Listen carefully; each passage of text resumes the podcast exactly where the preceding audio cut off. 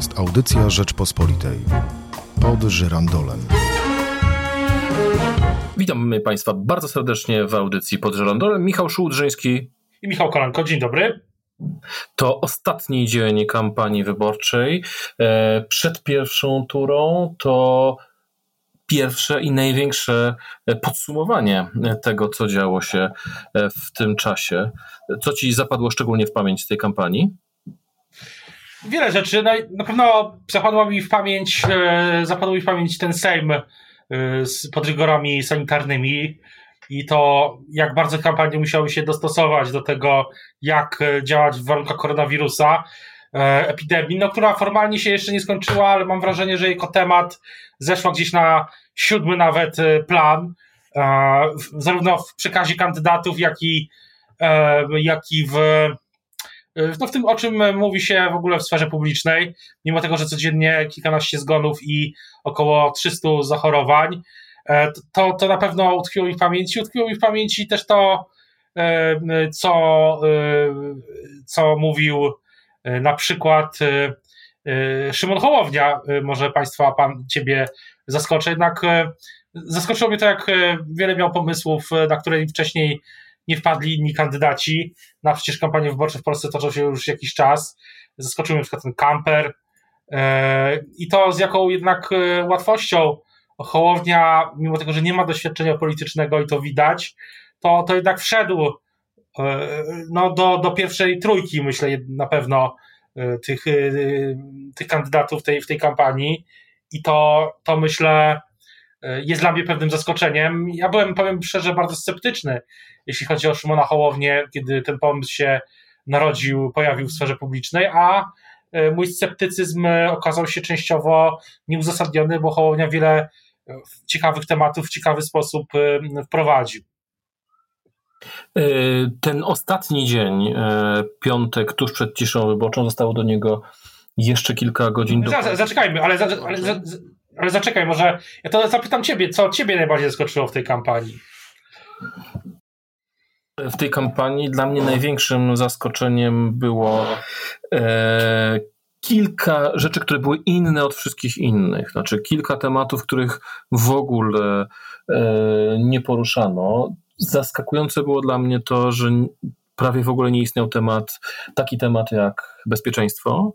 E, nikt się nie zajmował sprawami na poważnie sprawami militarnymi. Nie było na przykład sporo o to, czy kupicie F-16 czy F-35. To było gdzieś na marginesie, o tym rozmawiali eksperci, ale o tym nie mówili kandydaci. Brakującym tematem, to żeśmy już w jednym z naszych podcastów mówili, e, była problematyka mm, e, reformy emerytalnej. Wszyscy wiedzą, że coś z reformą emerytalną trzeba zrobić, ale nikt nie ma e, odwagi e, powiedzieć, że obecny system, w którym pracujemy krótko, mm, a długo jesteśmy na emeryturze, jest e, nie do utrzymania. I też zaskakujące było to, że to była kampania, nazwałbym ją bardzo antyelitarna. W sumie nie mieliśmy takich sytuacji, w której by dochodziło do, no to ty też, no, też na to zwracałeś uwagę, na przykład nie było komitetów honorowych, e, nie było takich, nie było takich e, konferencji, na których by występowali, na których by występowały autorytety i wspierały e, ludzi albo poszczególnych kandydatów. Ja wiem, z tego co ja wiem, to z takich moich rozmów wynika, że, że w sztabie Platformy wyciągnięto wnioski z tych poprzednich kampanii, gdzie celebryci zasypywali poparciem kandydatów, zwłaszcza emblematyczne to było w sprawie Bronisława, przy kampanii Bronisława Komorowskiego, no i zawsze to kończyło się źle. Ja mam wrażenie też, że, że celebryci, którzy bardzo szkodzili Platformie w tych ubiegłych latach, no poza panią, poza, poza wypowiedzią yy, yy, poza wypowiedzią o urodzie lub jej braku yy, wyborców Marii Nurowskiej, yy, no w zasadzie nie było tego w tej kampanii. Krystyna Janda nie publikowała żadnych y, obraźliwych memów i to na pewno Platformie się udało. Jeśli to była jakaś akcja na zapleczu, żeby wyciszyć celebrytów, zabierz celebrycie smartfon, to się na pewno udało. Niestety nie wszystkim, bo y, na Twitterze niektórzy mm, no, wspierali Platformę w swój własny sposób i to, to się Platformie nie udało y, tego zatrzymać, obrażając wyborców e, Biedronia czy, czy Hołowni. ale to oczywiście jest kwestia gorących emocji, które były w mediach społecznościowych. Po każdej ze stron nie brakowało mm, ostrych słów. Często też nawet e, politykom e, puszczały nerwy. Mm, pamiętam, jak e, pewnego dnia Joachim Brudziński wysłał mnie na psychoterapię, mówiąc, że moją niechęć do Jarosława Kaczyńskiego da się leczyć, że to tylko choroba. No, nie pamiętam, żeby sobie aż na takie rzeczy pozwalali politycy dawniej. Tak, tak wydaje się, że, że rzeczywiście nastąpiło po stronie, i to, to wydaje się, że ja mam wrażenie, że jednak więcej e, emocji było po stronie, tak jak zdecydowałeś, ten e, no, absolutnie bulwersujący i w ogóle e, oburzający wpis szefa sztabu, szefa sztabu, z rzeczy, że więcej tego jednak było po stronie szeroko pojętej samych polityków, Zjednoczonej Prawicy, takich bulwersujących wypowiedzi, nie tylko w mediach społecznościowych. No, poseł Czarnek, który e, do tej pory, do, do, no, który, który tam e, w klubie PiS jako debiutant e, no, wypowiadał się ostro, ale czasami merytorycznie nawet. No, jest głównym przykładem. Ja myślę, że też to była kampania, w której... Palmę pierwszeństwa, palmę pierwszeństwa, jeśli chodzi o bulwersujące tweety, powinien z pewnością otrzymać poseł Janusz Kowalski. Tak, zdecydowanie. Myślę, że więcej tych takiej gry do własnej bazy było E, po stronie PiSu i to też objawiało się takimi wypowiedziami. Natomiast e, jeszcze jedno zaskoczenie, tak przychodzi mi do głowy teraz, zaskoczyło mnie, jak bardzo niewielką rolę w tej kampanii odegrał e, Donald Tusk. Dzisiaj właśnie przed chwilą napisał, napisał jakiegoś tweeta, tam nie zostawili czasu na miejsca i ważenie argumentów, postawili przed prostym wyborem prawda albo kłamstwo, szacunek albo pogarda, duma albo wstyd. Taki tweet, szczerze mówiąc, niewiele w tej kampanii Donald Tusk zmienił i chyba mogła to być też akcja, mogła być też to jakieś tam prośby ze strony samej platformy. No też nie zdecydował się na start, chociaż mógł. No, nie wiem, czy pamiętasz, y, analizowałem y, kilka tygodni temu sondaż mm, y, Ibrisu dotyczący zaufania do polityków, i, którzy są. No i okazuje się, że politycy Platformy, byli politycy Platformy z Donaldem Tuskiem na czele, Grzegorzem Schetyną, mają bardzo dużo odsetek nieufności. W związku z tym, biorąc pod uwagę fakt, że Rafał Trzaskowski, tak jak każdy kandydat w wyborach prezydenckich, musi zebrać połowę głosów, to poparcie czy aktywne włączanie się mm, osoby takiej jak Donald Tusk, która jest kochana przez wyborców opozycji, ale bardzo negatywnie odbierana przez wyborców prawicy. Mm, oczywiście może doprowadzić na krótką metę do polaryzacji, ale na dłuższą metę może y, doprowadzić do, do, do tego, że się powróci ten straszak, no bo przecież PiS głównie e, cały czas straszy tym, że jeżeli Andrzej Duda straci e, stanowisko prezydenta, to e, mówił o tym w którymś z wystąpień, czas cofnie się o 5 lat. Tak, no dzisiaj, dzisiaj chyba to jest ostatnie przesłanie e, prezydenta Dudy, że, że obronimy, obronimy Polskę przed zwijaniem państwa, mówię o tych wszystkich. E, ja mam wrażenie straszliwej wtórności na koniec tej kampanii. I oczywiście ryzykuję tutaj gniewnymi SMS-ami czy telefonami po naszej rozmowie, ale jednak to była, to była jednak kampania, w której najbardziej wtórny był PiS.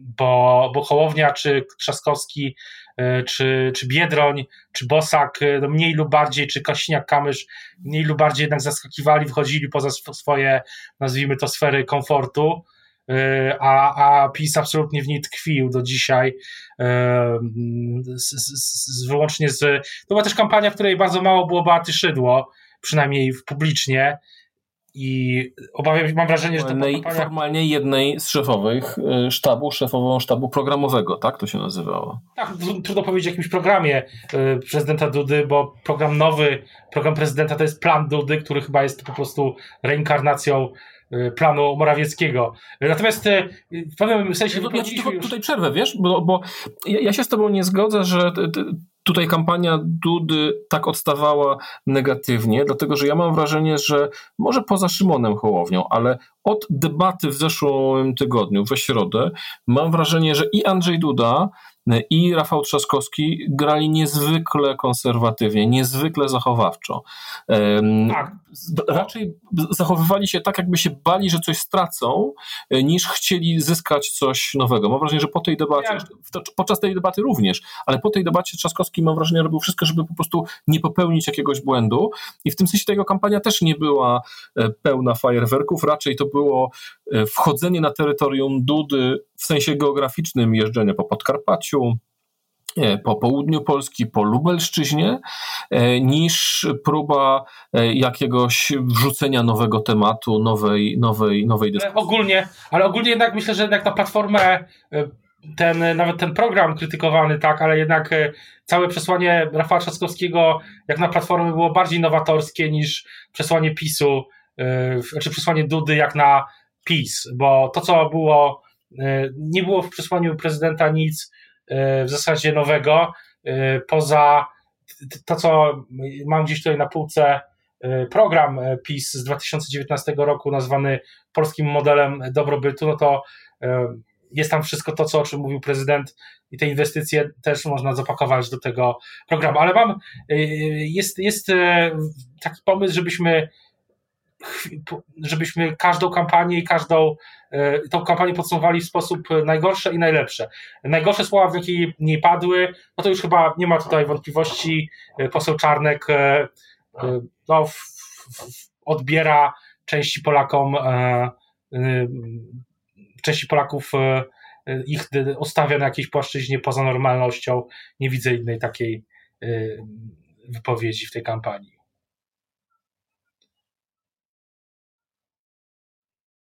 W takim, ja w takim razie dorzucę coś od siebie. Nie wiem, czy to jest najgorsze, ale jedną z najgorszych wypowiedzi, którą e, pamiętam z tej kampanii, to była wypowiedź Jarosława, Jarosława Kaczyńskiego.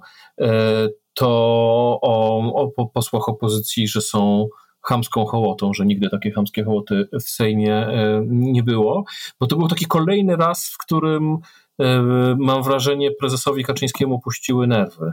Tutaj z pewnością zaraz Joachim Bruziński wyśle mnie znowu na leczenie e, jakiejś kaczyńskofobii, którą chce mi wmówić, ale rzeczywiście mam wrażenie, że kilka było wystąpień podczas tej kampanii Jarosława Kaczyńskiego, którego raczej było mało, e, które no, mi tak bardzo zapadły w pamięć. No, te, te słowa o tym, że tylko w Polsce jest wolność i że tylko jak będzie Andrzej Duda, to będzie, będziemy wolnym krajem, ale te słowa rzucone podczas nocnego posiedzenia Sejmu no kompletnie zepsuły przecież plan kampanijny.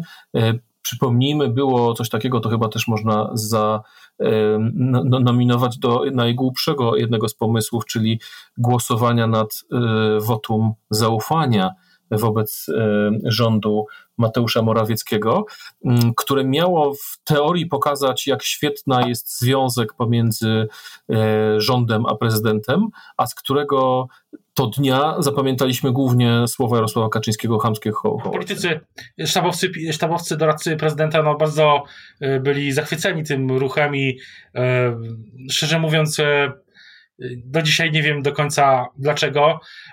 To rzeczywiście był jeden z bardziej kontrowersyjnych takich posunięć w tej, w tej kampanii.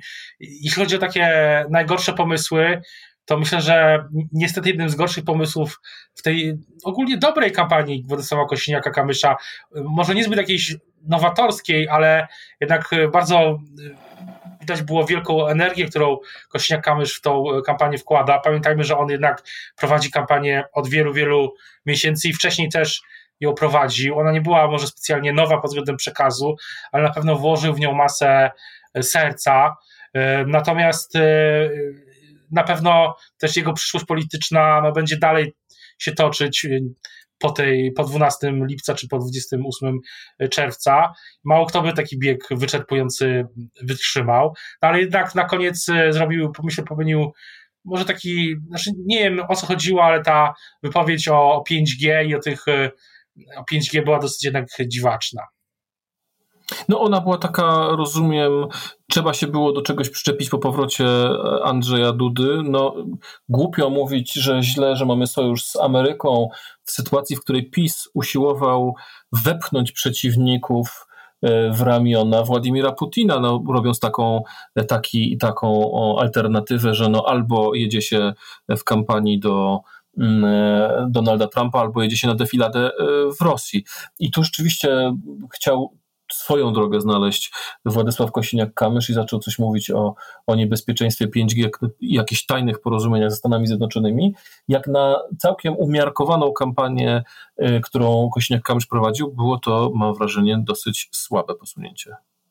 Tak, ale z drugiej strony na przykład dla równowagi powiem, że miał chyba najlepszą ogólnie konwencję z całej tej kampanii, jeszcze zanim, zanim zaczął się koronawirus i kiedy już nie było żadnych konwencji i chyba już ich y, w tym roku albo w ogóle, tak jak je znamy, y, może już w ogóle nie być. Konwencja, w, byłem tam, y, bo też myślę, to była jeden z w ogóle ostatnich moich wyjazdów kampanijnych, no bo siłą rzeczy teraz z względów, z różnych względów, ale też no, ja nie podróżowałem w tej kampanii po jej odmrożeniu.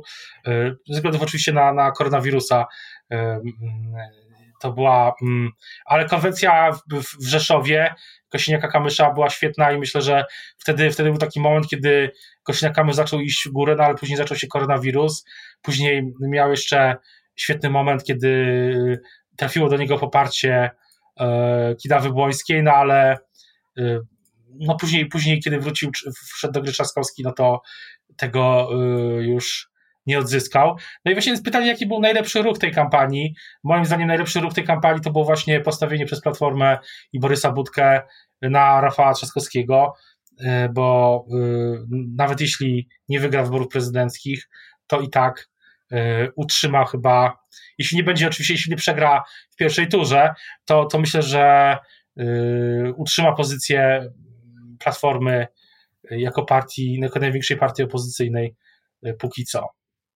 No, dla mnie wystawienie Rafała Trzaskowskiego, rozumiem Twój argument mówiący, że to był najlepszy ruch. Moim zdaniem był to najdziwniejszy ruch. E, czy to było to, co świadczyło o tym, że to była najdziwniejsza kampania chyba po 1989 roku. E, no nigdy nie mieliśmy takiej sytuacji, w której wymieniono w trakcie zawodnika. E, to była mm, oczywiście sytuacja wyjątkowa. Odwołano, czy nie odbyły się wybory, czy jak to mówi PiS, wybory z 10 maja są nieodbyte, ale mm, no, tak, tak się wcześniej nie zdarzyło, żeby po prostu coś takiego się mogło, mogło zdarzyć. I w ogóle mam wrażenie, że to była najdziwniejsza z kampanii, które, które, które pamiętam, które opisywałem czy w których, które komentowałem jako, jako dziennikarz czy publicysta, bo z jednej strony była bardzo długa, ale z drugiej strony formalna kampania była bardzo krótka, no bo trwała e, e, ta kampania przed tymi wyborami od 3 czerwca, przecież wiemy, że ona tak naprawdę trwała od lutego zeszłego roku, a tak naprawdę od wyborów parlamentarnych. Od, od października chyba miałeś na myśli, bo wtedy Kośniak-Kamysz tak, w, w, w październiku, ale, ale, w lutym, ale w lutym formalnie marszałek Witek ogłosił lutym, kampanię tego, w, tego, okay. w tego roku, jasne, jasne, sorry. Yy, musiałem się natomiast y, przesłyszeć, natomiast yy, wydaje się, że naj, najważniejsze w tej kampanii może być jeszcze przed nami. No bo jeśli nie będzie wygranej prezydenta w pierwszej turze, a raczej nie będzie, jak dzisiaj rozmawiam z politykami PiSu, no to oni się, sztabowcami, to oni się szykują na drugą turę na bardzo ostre starcie. Myślę, że, że w ruch pójdą wszystkie argumenty, włącznie z tą oczywiście wpadką Rafała Trzaskowskiego, jeśli chodzi o wiek emerytalny. Mm. E, myślę, że ten najważniejsze jeszcze przed nami. To będą dwa tygodnie, które mogą wstrząsnąć może nie światem, ale Polską, bo e, myślę, że obie strony trzymają wiele rzeczy Y, na drugą turę. Może tak być, że pojawią się oczywiście y, rzeczy, które są w tym zakresu tej czarnej, czarnego PR-u lub y, w grę pójdą inne argumenty. No, zobaczymy. Zobaczymy. Myślę, że najważniejsze jeszcze przed nami i politycy PiS i w ogóle politycy też Platformy, z którymi się roz, rozmawiałem, to no, jak mówię, szykują się na ciężkie, ciężkie ciężkie, ciężkie starcia, starcie. Natomiast pytanie jest jeszcze, czy, czy jest jakaś obietnica, która najbardziej utkwiła ci w pamięci i która mm, była taka dosyć dziwna albo nietypowa? Najbardziej z nietypowych e, obietnic. Hmm. E, byłem trochę przerażony skalą populizmu podczas tej kampanii.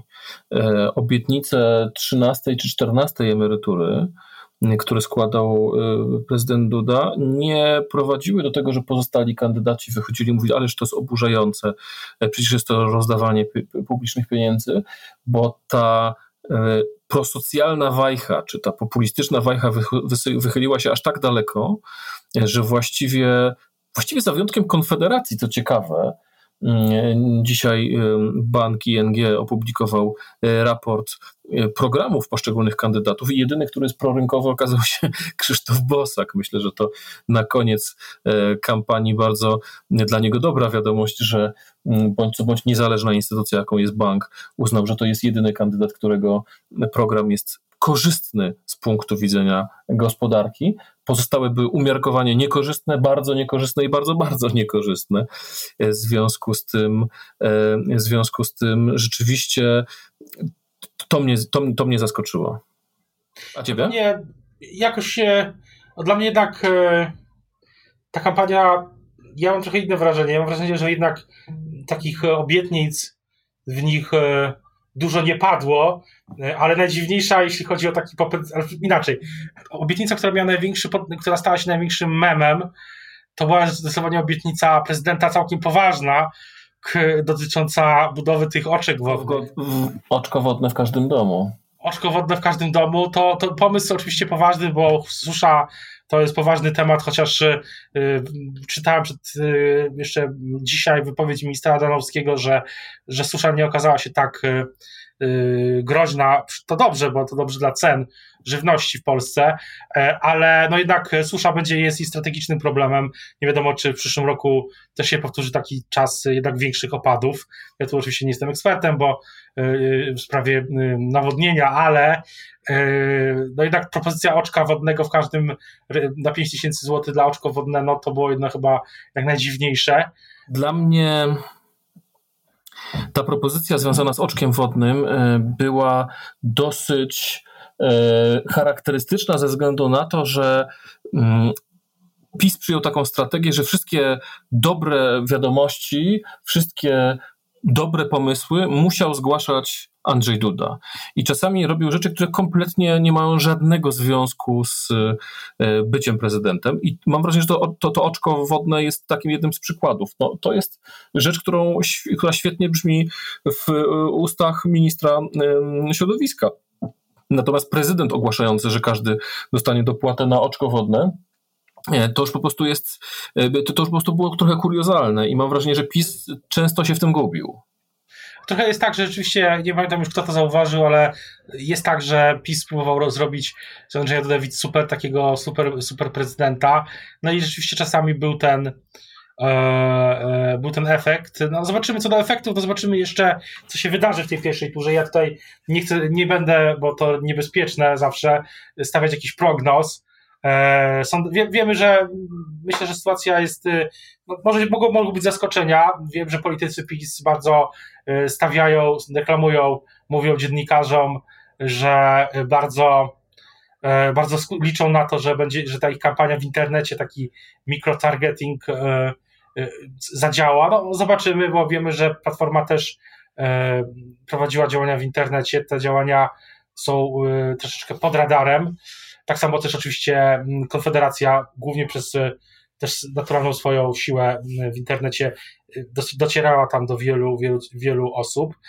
No więc zobaczymy. Nie tyle, to może zakończmy nie tyle prognozą, co zakończmy, zakończę pytaniem do ciebie. Czego się spodziewają dwa największe sztaby? Jak rozmawiałeś dzisiaj z politykami PiSu i Platformy, jakie tam są nastroje? Czy myślę, że co do polityków PiSu, to nastroje są yy, no, przygotowania na drugą turę, tak, tak bym to w cudzie określił. E, no i świadomość tego, że, e, że, że, że o ile mobilizacja po stronie PiSu jest, to tak naprawdę może być e, bardzo duża mobilizacja w miastach i mogą te wyniki być nieco inne niż obecnie publikowane sondaże. Nastrój jest, myślę, przekonanie, że, że prezydent wygra, nie ma pewności, jak, jak, wielki, jak wielki będzie, e, jak duże będzie to jego różnica między nim a Rafałem Trzaskowskim. W Platformie myślę, myślę że jest też spokojnie. Pytałem o ten sondaż Kantar wczorajszy, który pokazał duży spadek Rafała Trzaskowskiego. No, odpowiedź była raczej taka, że no, takie rzeczy się zdarzają, że to nie jest nic nie bardzo to zmartwiło sztabowców, chociaż oczywiście woleliby mieć plus 5, a nie minus 5. E, paradoksalnie mam wrażenie, że te wysokie notowania, relatywnie wysokie notowania prezydenta, ta czwórka z przodu sprawia, że elektorat PiS może być troszeczkę mniej zmobilizowany niż gdyby e, było 38-35. Jak będzie, przekonamy się już w niedzielę. Państwu bardzo dziękuję za wysłanie dzisiejszego podcastu pod żyrandolem. Michał Szułdrzyński i Michał Kolanko. Do usłyszenia. To była audycja Rzeczpospolitej. Pod żyrandolem.